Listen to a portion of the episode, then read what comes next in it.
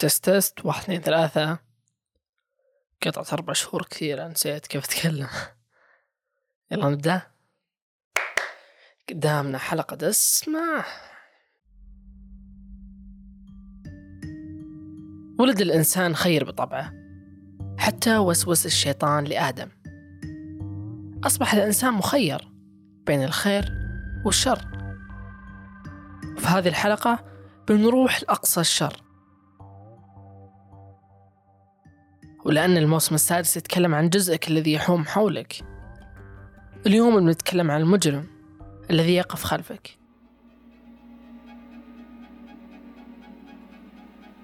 الحلقة الرابعة. التفت المجرم حولك. أهلا. ما أتذكر من أول مجرم عرفته في حياتي. لكن أتذكر واحد كان يلحق المجرمين. شيرلوك هولمز. The name Sherlock Holmes and the address is 221B Baker Street. أتذكر قرأت قصة له وأنا صغير. كانت عن شيرلوك المحقق اللي راح يجيبك حتى لو رحت لعالم موازي. وهذا اللي خلاني كل ما رحت المسجد مع أبوي أحاول أستكشف بيت جيراننا المهجور اللي من يوم ما عرفت نفسي. اللحظة هذه كانت فضول طفل صغير زيادة أنه معجب بشيرلوك هولمز. هذا يعني بزر مزعج زيي ما أتذكر كم المدة اللي كنت أحاول أستكشف فيها البيت لكن أتذكر كان في قصص كانت تتردد بين أولاد الحارة. صاحب البيت ذبح أولاده وانتحر واللي يقول البيت هذا كان مسكون كل اللي يسكنون فيه ما يطولون. إلى ما جاء يوم من الأيام كنت راجع فيه من البقالة. وحصلت البيت مفتوح. وفي عمال ينظفون. البيت كان مهجور فعلا ولكن ما فيه شيء مثير للشك. طيب هنا كانت الصدمة الكبرى. بعد ما علمني أبوي أنه بيت ورثة وكان متروك الفترة بسبب مشاكل مالية. البيت المقابل للبيت المهجور كان يسكن جارنا الثاني وعياله. في يوم هادئ وسط إدراكي بأني ما راح أكون خليفة شيرلوك هولمز سمعنا صوت سيارة شرطة برا. طيب اللي صار هنا أن جارنا الثاني أولاده ألقي القبض عليهم لتلبسهم جريمة سرقة مع أني كنت ألعب مع أخوانهم الصغار. هذا اللي حاول يقوله شارلوك هولمز في كل قصة من قصصه وما انتبهت له أنا أغاثا كريستي كتبت أكثر من ثمانين رواية عشان تنبهنا بأن المجرم اللي ما نعتقد أنه هو.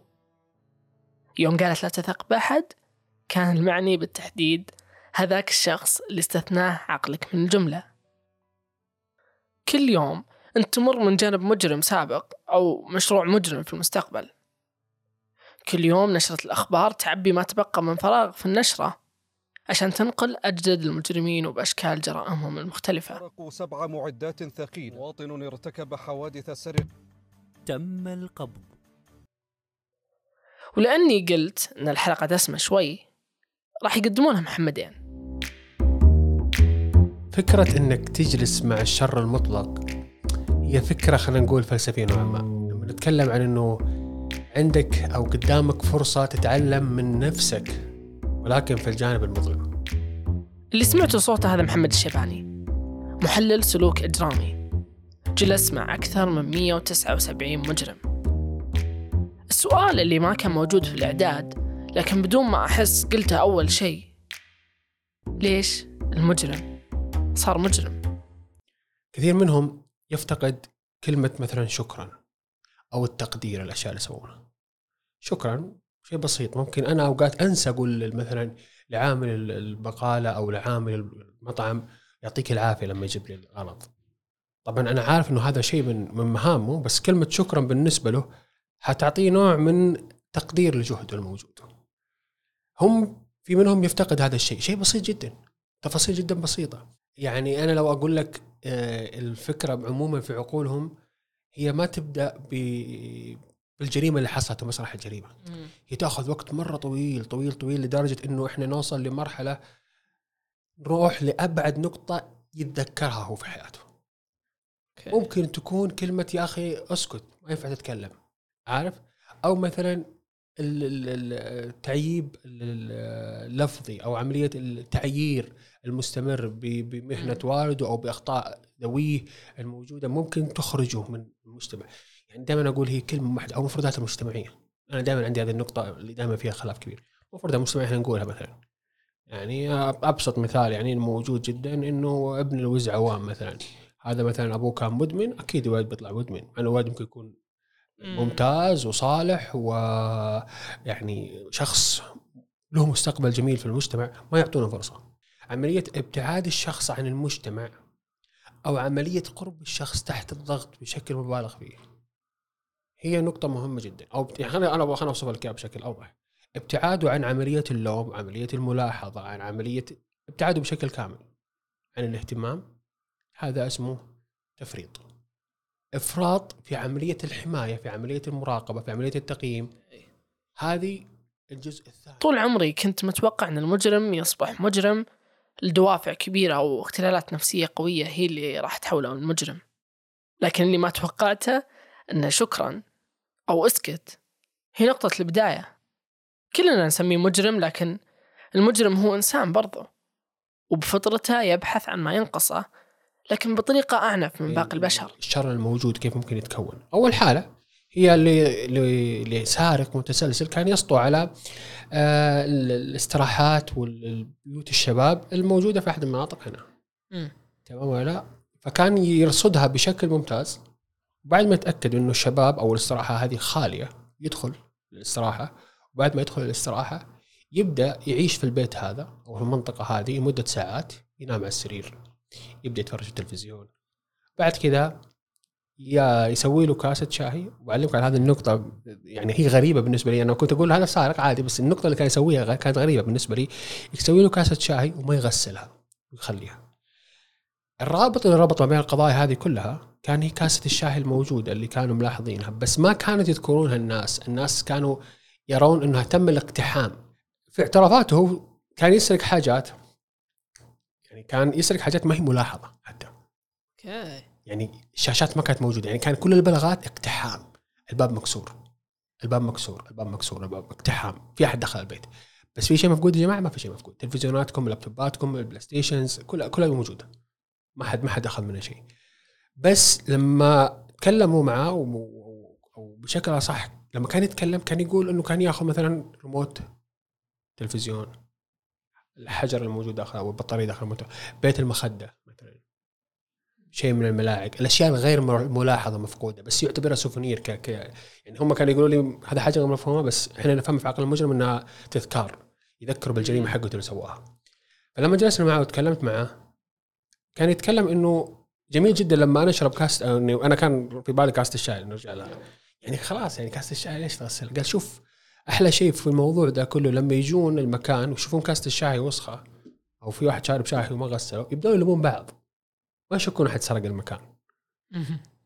مين اللي شرب الكاسه وما غسلها فهمت النقطة هذه. فلما سألته عن ترتيبه بين أسرته قال أنا الرقم سبعة بين 11 يعني ابن okay.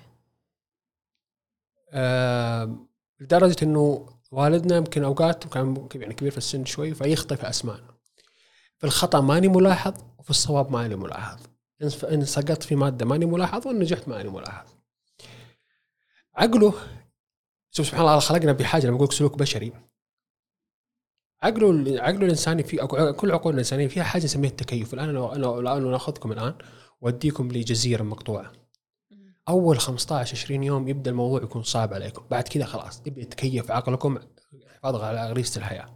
هذا اللي كان حاصل أو هو يصير كذا عند المجرمين برضه يبدأ يحاول يتكيف مع الوضع اللي عملية الحرمان أو عملية عدم الملاحظة بانه يشوفها كجزء من تميزه. okay. فحتى لما تشوف النمط الاجرامي الخاص فيه هو أشبه بنفس الحالة اللي يعيشها إني أنا غير ملاحظ. okay. يعني لما هو يشوف إنه شوف أنا سويت كل هذه الأشياء بس ما حد انتبه إني أنا سرقت أو دخلت وأخذت حاجات من البيت. يشبه قصة حياته. يشبهها بالضبط. عملية الإهمال اللي كان مفجع هنا يوم قال محمد بأن المجرم سلوكه الإجرامي يشبه شخصيته. سولف لي محمد عن قصص كثيرة وكل قصة تندهش كيف ممكن إنسان مثلنا يقدر يسوي زي كذا. هذا اللي كان يدور في بالي من بداية المقابلة. هل الإنسان يميل للشر بفطرته؟ لما نجي نتكلم عن الانسان لما يخلق نتكلم من ناحية شرعية ونتكلم من ناحية يعني آه، طبية. خلونا من فكرة النظرية اللي وضعت بان الشخص يولد مجرم. آه، لو لو الفكرة هذه وجدت هي دراسة أحترمها واكل لها كل تقدير واحترام والمدرسة اللي تؤمن فيها أحترمها برضه ولكن إلى حد هذه اللحظة هي فقط دراسة على ورق لم يتم تحقق منها بشكل كامل وإلا فعليا كانوا كل أولاد المجرمين في العالم هم مجرمين بالأصل وتم التحفظ عليهم أو استطعنا استباق الجريمة من بدري. لما نقدر نكتشف في التحاليل إنه والله عنده جين القاتل كان هذا السؤال كانوا تسال عنه جين القاتل أو جين المجرم أو عملية تكون شخصية المجرم من الولادة. من بدري نقدر نكت- نكتشفها ونوقفه. ولكن تخيل مثلا إنه أنت تولد وأنت مجرم وأنت خلاص قرار إنه يعني اتخذ بحقك بأنك حتولد ومجرم خلاص وكتب عنك إنك حتكون مجرم من بدايه ح- أنت ليش تعاقب؟ أنت ليش تحاسب؟ أنت ليش آه يعني ليش ليش حتى حتى عملية العقوبة الدنيوية والعقوبة في الآخرة ليش توضع لك؟ تمام؟ أنت لك الخيار بس ممكن أحيانا مو بعقوبة على طول ممكن يكون في انتباه لهذا الشخص ممكن هذا الشيء يحمله في جيناته فيكون في انتباه لهذا الشخص من البداية من طفولته فيكون في مراعاة نفسية أو أشياء زي كذا إنه يا سلام النقطة اللي تقول عنها ما نسميها سلوك إجرامي نسميها صفات قابلة صفات شخصية قابلة. أوكي. يعني سؤالك ممتاز جدا اختصر علي نقطة مرة طويلة. الصفات القابلة هذه من صفات المجرمين اللي مشهورين في قتل المتسلسلين ولا ال- ولا أو القتل أو المغتصبين المتسلسلين هي السيكوباثية عدم التعاطف. طيب أنا بعطيك شيء مهم جدا. الآن أصبح في علم الإدارة. في شيء يسمونه السيكوباثي الناجح. المدير التنفيذي لشركة أو- أوبر شخص وصنف بأنه سيكوباثي وهو اللي ساعد في عملية ظهور أوبر بهذا الشكل المرعب بسبب عدم تعاطفه مع الناس. كان شخص روثلس ما عنده أي رحمة. وله مقطع مشهور انتشر في اليوتيوب لما كان راكب مع شخص من سائقي أوبر. وبعد كذا بدأ يهاجمه يعني هو كان يشكي له إنه الموضوع التعريف هذه لازم ترفعونه وإحنا كسائقين وكباتن ما نقدر. فهاجم مقطع مشهور جدا. وبعد طلعت اعتذرت شركة أوبر عن هذا الموضوع. ولكن هو الشخص هذا معروف إنه سايكوباثي. فهذه الصفة زي ما قلت أنت أخذت حسنت عدلت. الشخص هذا ما هو مجرم. الشخص هذا قائد أكبر تطبيق آه توصيل في العالم. هو اللي ساهم في ازدهاره. ما نعتبر هذه النقطة. في حاجات الصفات هذه المورثة تكون صفات ما نقدر نتحكم فيها بس محيطك هو اللي فاعلها يعني الحين أعطيك مثال. إحنا قدامنا الآن كما تشوفون الآن قدامنا الآن ثلج خام. لو أخذت المادة هذه وحطيتها فيها إيش بيصير في الثلج؟ بيتغير شكله. بيتغير لونه صح ولا لا؟ هي نفس الفكرة. إحنا إحنا نولد بهذا الشبه الش- حتى شكل الثلج أشبه بالتركيبه تركيبة الصفات الوراثية اللي عندنا. بس المجتمع وعملية الاهتمام وعمليه الملاحظات السلوكيات المكتسبة المنحرفه المكتسبة وقبل قبل وصولهم للجريمة يكون في عملية مراعاة يعني أنا بعطيك مثال يعني أنا ما مو في مشكلة تجيني كثير كيف أعرف إنه ولدي مو مجرم؟ كيف أعرف ولدي عنده سلوك إجرامي؟ كيف أعرف طيب ليش السؤال كذا بشكل خطأ؟ المفروض السؤال بالشكل الصح للشخص الصح إنه والله أنا شايف على ولدي ولا على أخوي ولا على بنتي شيء تصرف أو سلوك غير طبيعي بس ما ينسال محل سلوك اجرامي ينسال فيه أخصائي نفسي. مم. وهنا السؤال عملية الإدراك لما قلت أنت قلت لما في في نقطة تعاون أو عملية ربط ما بينها.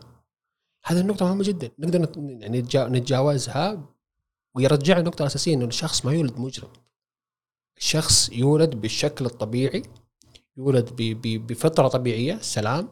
بعد كذا يبدأ يكتسب الأشياء من بداية آه ولادته إلين في مناطق ومربعات هي مهمه جدا. المربع الأول هي مربع الولادة إلين أربع سنوات خمس سنوات بعدين مربع المدرسة. هذا المربع الأول يكون عاطفته تؤخذ من الأم والأب والأهل في البيت بعد كده يطلع يبدأ يتعلم من المدرسة بعد كده يبدأ بعد ما يطلع من المدرسة ويكبر شوي يبدأ يتعلم من الشارع يبدا يبدأ يتعلم. هذا هذا الر- الرزنام اللي نمشي فيها. في المنطقة في ال- في ال- في المرحلة هذه اللي قاعدين نتنقل فيها هو قاعد يكتسب حاجات. في في فتره اكتساب الحاجات هذه مم- ممكن نكتسب سلوكيات إجرامية أو سلوكيات منحرفة تؤدي لسلوك إجرامي إذا تم. مو بس إجرامي يجرم حق الاخرين ممكن يجرم حق نفسه زي الإدمان زي زي زي. ف آه، ما في ما في شيء اسمه شخص يولد شرير. بعض المجرمين يقول لك أو القتله المأجورين عندهم شروط مو يعني يعني أثبتت أو تكلموا فيها كثير. عندهم شروط في الدارك ويب إنه أنا لما أجي أقتل أنا عندي شرطين ما أسويها. لا أقتل عجزة سواء كان كب- كبار في السن أو عجزة كحركة إعاقة أو أطفال ونساء. ما اقتله لما تتكلم عن هذه النقطة هي بسبب وجود الأصل الخير موجود فيه ولكن هو توجه إلى النقطة الأسوأ للشر. بس هو عنده التزام تجاه النقطتين هذه. أبعطيك قصة أوضح ويمكن أشهر قصة تشرح الموضوع. آيس مان كيلر واللي هو قاتل مأجور معروف في يوم من الأيام كان كان ليلة الكريسماس فجاء أو آسف كانت ليلة ما- كان يوم ميلاد بنته فجاء واحد من الأشخاص اللي يعرف إنه قاتل مأجور دق عليه الباب وقال له إنه أو قاطع الحفلة اللي كانت موجودة وقال له تفضل هذا نص المبلغ وأبغاك تقتل هذا فلان وفلان. قال طيب ما في مشكلة أعطيني عنوانك عشان أجيب لك إثبات إنه قتلته. بعد ما يصير الموضوع بعد كذا أعطيك تأخذ من أخذ منك النص الباقي. إيش سوى فيه؟ جاء؟ وقتله هو. okay. ليش؟ لأنه قاطع وقت العائلة. واعترافاته موجودة. له اعتراف موجود في قناة HBO يتكلم عن الموضوع هذا بأنه أنا كنت أقدر هذا الشيء. وكان رجل عائلة ممتاز. كان رجل عائلة ملتزم. BTK كان نفس الفكرة ولكن مجرم قاتل متسلسل. هنا النقطة هذه اللي إحنا لازم نبدأ فيها في نظرتنا للشر. إنه هل الشر مطلق ويولد مع الشخص؟ أو الشرير يكون فيه صفات خير؟ نسبي نسبية. إيه واكتسبه إحنا ندور وين اكتسبه ما نبرر إحنا نقول وين اكتسبه وكيف صار؟ وتمت معاقبته فقط نشرح الموضوع. نقول لك حصل الموضوع هذا. بناء عليه يا جماعة انتبهوا ترى إذا الأمور هذه ترى من جد فعلية وممكن تؤثر على أبنائكم على أهلكم. قال محمد بأن المجرم يملك نسبة من الخير والشر ولكن أختار بأنه يروح مع الشر بسبب الظروف اللي مر فيها بدون ما يحس. الصدق أني إلى الآن ما اقتنعت. لذلك سألت محمد هذا السؤال إيه. فأكثر شيء يخوفني صراحة يعني ليش خلاني أحيانا أفكر أقول أن الإنسان أصلا ممكن يميل للشر لكن القانون هو اللي قاعد يمنعه يخاف من القانون أو عنده شيء يخاف منه آه يوم أشوف الجماعات كذا في حفلة أو في مكان في جماعات كثير يسوون شيء غير أخلاقي فيبدأ اللي بعده اللي بعده اللي بعده اللي بعده اللي بعده فجأة بوف المكان هذا كله سيء. حتى حتى أحيانا أنت تنطبق قدام أخوياك تبدأ تسوي أشياء أنت ما تؤمن فيها بس لأن الجماعة. okay صح. هذه النقطة مهمة جدا. إحنا لما نتكلم عن عن نقطة مهمة جدا تأثير تأثير وهي يرجعنا لنقطة أساسية ترى. مم. يرجعنا للفكرة اللي تؤكد إنه ترى الشيء مكتسب. أنت قلت كلمة مهمة جدا. حتى لو أنا ماني مقتنع فيه بس المحيط اللي حولي يسويه.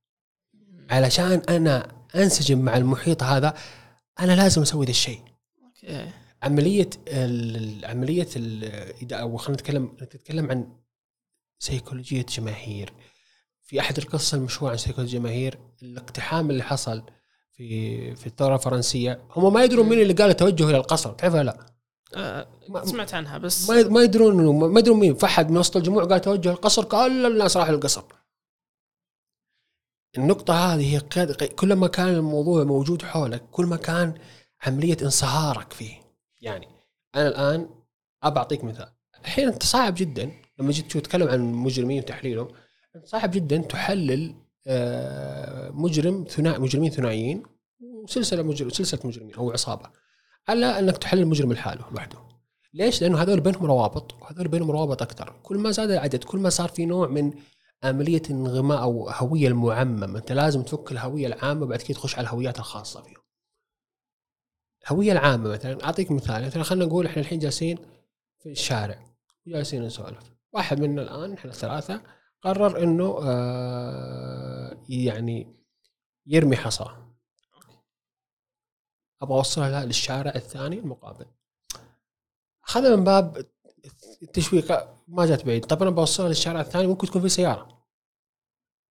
مم. أنت توصلها من جد وفعلا توجه في سيارة وبعد كده يصير في حادث هنا صارت جريمة. فهمت الفكرة كيف؟ بدأت الفكرة؟ بدأت الفكرة بأنه تحدي. هي النقطة هذه عملية الاندماج عملية رغبة الإنسان بأنه ما يحس إنه غريب عن المجتمع. رغبة الإنسان بأن لا يكون غريب عن مجتمعه التكيف البقاء. كل هذه صفات غريزية موجودة عند البشر. نشرت وزارة الداخلية إحصائية في عام 2016 عن 150 ألف جريمة حصلت في السعودية فقط. هذا يعني 150 ألف محاولة للتجانس في هذا العالم. خلال عام واحد فقط وفي السعودية بس اللي تعتبر أكثر أمان من أغلب دول العالم. لكم أن تتخيلون كم جريمة صارت على مدى التاريخ وفي كل أنحاء العالم. خلال استماعك للحلقة تحدث مئات من الجرائم الآن كمحاولة للتكيف في هذا العالم. البعض منهم ينتهي في السجن والبعض ينجو بفعلته وممكن يمر من جنبك بكرة. نرجع لمحمد. محمد جلس مع مجرمين كثير وجلس مع إعلاميين كثير برضه. سألوه عن طبيعة عمله وروتينه في العمل بس ما في أحد منهم سأله ليش المجرم يروح لمكان زي السجن؟ مع أن أي مجرم يصنف أن عنده خلل نفسي. سؤال جميل جدا أو خلينا نقول إضافة جدا ممتازة للسؤال.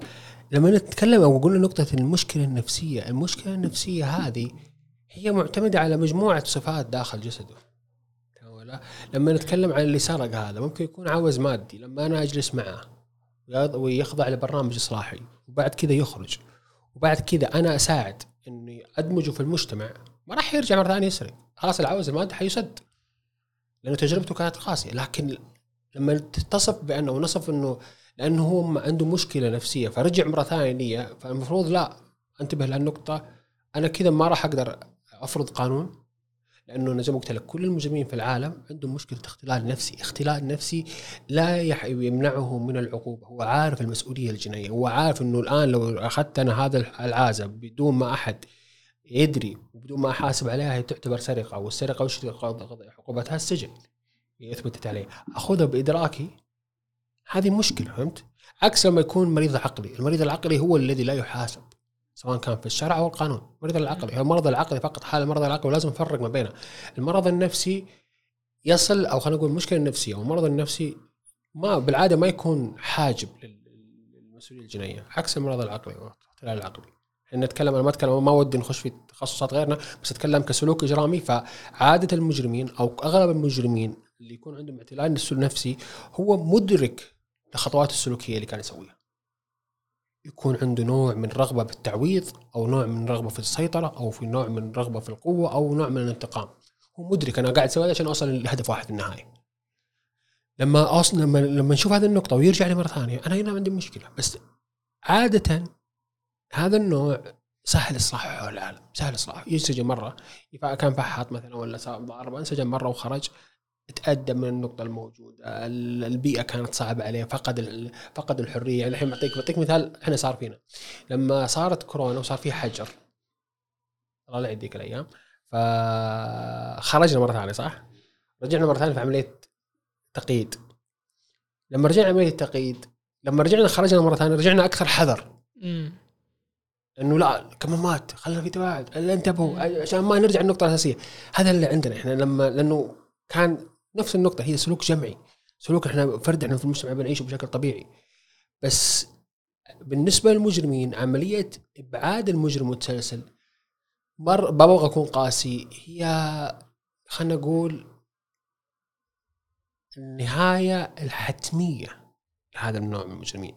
لما بدينا كلامنا كان واضح انه تبرير إنه صار مجرم لأنه صار ضحية. بس لما صار مجرم أنا الآن من حقي لأفراد المجتمع إني أبعده عنه. أنا الحين ما بررت له. أنا الحين أنا خلاص فهمت إيش صار معاه. أنا المفروض أبعده. أبعده لفترة طويلة جدا لدرجة إنه أشوف إيش ممكن يصير معاه.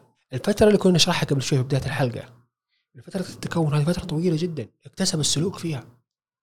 فعملية نزع السلوك ما هي إلى حد هذه اللحظة للأسف ما هي آه، واقعية واضحة. ما نقدر ننزع السلوك هذا. هو ممكن يكون مختفي تحت صفات جديدة. سلوكيات جديدة ممكن يكون مجرم ذكي. من وجهة نظري إنه مثل ما فهمنا إنه صار ضحية والفترة اللي حصلت من وقوعه كضحية لين وقوعه كمجرم أو تحوله لمجرم هذه الفترة طويلة جدا. تستحق الفترة هذه إنه نكون شوي حذرين في عملية إطلاق سراحه مجددة. أنا أتكلم كسلوك ما أتكلم كقانون أتكلم كسلوك أنا لازم أكون حذر معه. هذا ممكن لو أطلقت سراحه الحين ممكن يرجع لي بشكل ثاني. ممكن يكون السلوك يعني أجبر أو تقمص سلوك عشان يجبرني إن أنا أقتنع إنه شخص ممتاز وقدر يتلاعب فيني وأقنعني إنه هو حسن سير وسلوك لأنه ترى على فكرة وبوضح لك مثال في بعض المجرمين يدخل تخصص علشان يقدر يوصل لضحايا محددين يعني يدرس تخصص هو ما يحبه عشان يقدر يوصل لضحايا. شفت الفترة هذه كلها؟ شفت كيف قاعد يعيش؟ كمان بعطيك حاجة كمان مهم نقطة مهمة جدا. إيش يصير بالأطفال؟ في نوع منهم إحنا نعرف نوع نعرف التعريف التقليدي لهم هو لا يستطيعون إقامة علاقات عاطفية أو علاقات آه، رومانسية مع أشخاص بالغين في مثل عمرهم بمعنى عام. هذه النقطة نعرفها عنهم. في في لا زال في في تصنيف من- منهم. بس كثير منهم عرف ان المجتمع كيف يشوفه. فإيش سوى؟ عمل shifting عمل عمل تبديل. قال المجتمع كيف يشوفني؟ يشوفني إني ما أقدر أتزوج ما أقدر أجيب أطفال خلاص أنا أتزوج وأجيب أطفال أجبر نفسي على هذه العلاقة وأجيب أطفال علشان لما أرتكب الجرائم أنا أكون خارج دائرة الملاحظة. okay. فهمت علي؟ مم. فعملية لما يكون عندك في ال- في العقوبة عملية اصلاح عكس عملية اصلاح المجرم الموقفي. مجرم موقفي أنت عندك حدث واحد ومجموعة عوامل. هذا أنت عندك مجموعة أحداث ومجموعة أكبر من العوامل. من ضمنها كيف تثق في واحد جلس الفترة هذه كلها؟ وغير السلوك هذا وقدر يصبر على شيء هو ما يبغاه. هو شيء عكس خياله. عملية التظاهر بانه أب ومحب و... وعنده أطفال ويخاف عليهم بعد كده يرتكب الجرائم في حق أطفال المفروض يكون في عمر أطفال. فالازدواجيه هذه كمان هي النوع اللي تخوفك في عملية إنه لا. إحنا نرجع نتكلم الآن أو نرجع نضيف إنه فكرة سلوكية أنا أكون أكثر حذر في هذه النقطة. فاشوف إنه موضوع إبعاده يعتبر الأفضل إلى أن نصل إلى مرحلة نقدر من خلالها نقول آه، وهي مرحلة أفلاطونية شوي لسه ما راح نقدر نوصل لها إنه هي موضوع بدأ من هابيل وقابيل إلى نهاية العالم. إلى نهاية إلى قيام الساعة ما راح نقدر نوقف الموضوع بس إلى هذه اللحظة حنا نقول نصبر نفسنا إنه ممكن يكون في تطور مستقبلا في الدراسة السلوكية أمثلة أكبر تساعدني في عملية الدمج هذول المجرمين والمتسلسلين من جديد مرة ثانية. آه ما نبغى نخش في في فكرة وصمهم بس حنا نقول إنه لا اللي اجرموا اخطاء 75% هذول لهم الحق ان نعطيهم مساحة يرجعون مرة ثانية لأنه نفس الشيء اللي قلت عليه قبل شوي إنه في كل يوم إحنا مقربين للخطأ هذا. بس هذا لا هذا جالس يخطط للخطأ من اول خيال إجرامي نوع ضحايا محددة سلاح جريمة محدد تفاعل داخل الجريمة ما بعد الجريمة آه، أثناء الجريمة أو ما قبل الجريمة أثناء الجريمة بعد الجريمة. هذه الأمور كلها معقدة. ما تخليني أو ما تخليني مرتاح إني أطلق سراحه ممكن يتضرر في السجن بس لو طلعت بيتضرر آه، 20 شخص. أنا أقدر أتابع يعني أقدر أشوف. قد يكون الفعل قاسي بأن يتعذب شخص في سجن بسبب محيطه في صغره أو شيء في تكوينه ما كان متحكم فيه هو. لكن بيكون أقسى لو تركته للأبرياء يتغذى عليهم. ممكن ما راح نقدر نحط حد للمجرمين اللي موجودين الحين غير السجن. لكن متأكد أن كل شخص بعد هذه الحلقة بيكون أكثر انتباه على نفسه أو على اللي حوله. قلنا في بداية الحلقة بأن التفاصيل البسيطة زي الكلمة الحلوة والاهتمام بشخص بحدود قد تمنع المجرم القادم من ارتكاب جريمة. شكرا لإسماعكم الحلقة ما أقدر أوصف الشعور يوم أجلس قدام المايك وأسجل حلقة من بودكاستي وأشوف مئات الآلاف يستمعون للحلقة. شكرا لأنكم كنتوا الشخص المصغي لأفكار محمد اللي كان يخاف يقولها بصوت عالي مع نفسه. كنوع من الرد الجميل ومحاولة مني للاستماع لكم مثل ما تستمعون لي دائما. طلبت منكم تكتبون لي أبرز الأحداث اللي صارت في حياتكم ونتشاركها في نهاية كل حلقة. ردودكم كانت كثيرة مرة صدق. قريتها كلها وفرحتني. مثل أريج اللي تخرجت من مرتبة شرف تخصص تمريض. ألف ألف مبروك يا أريج وعقبال المناصب العليا. وبرضو حفصة نقولها ألف مبروك آه، حفصة من المغرب. أخيرا تحقق شغفها وحلمها بأنها تدرس كلية الأزياء اللي كان شغفها من زمان. عقبال ما نشوفك أكبر مصممة أزياء في العالم يا رب. أعتذر مرة ثانية لأني ما أخذت إلا ردين بس. لكن العدد جدا جدا جدا كثير مرة. ونحتاج حلقة كاملة أو مواسم عشان نغطيكم كلكم. شكرا لاستماعكم الحلقة مرة ثانية. أنا محمد. هنا تي.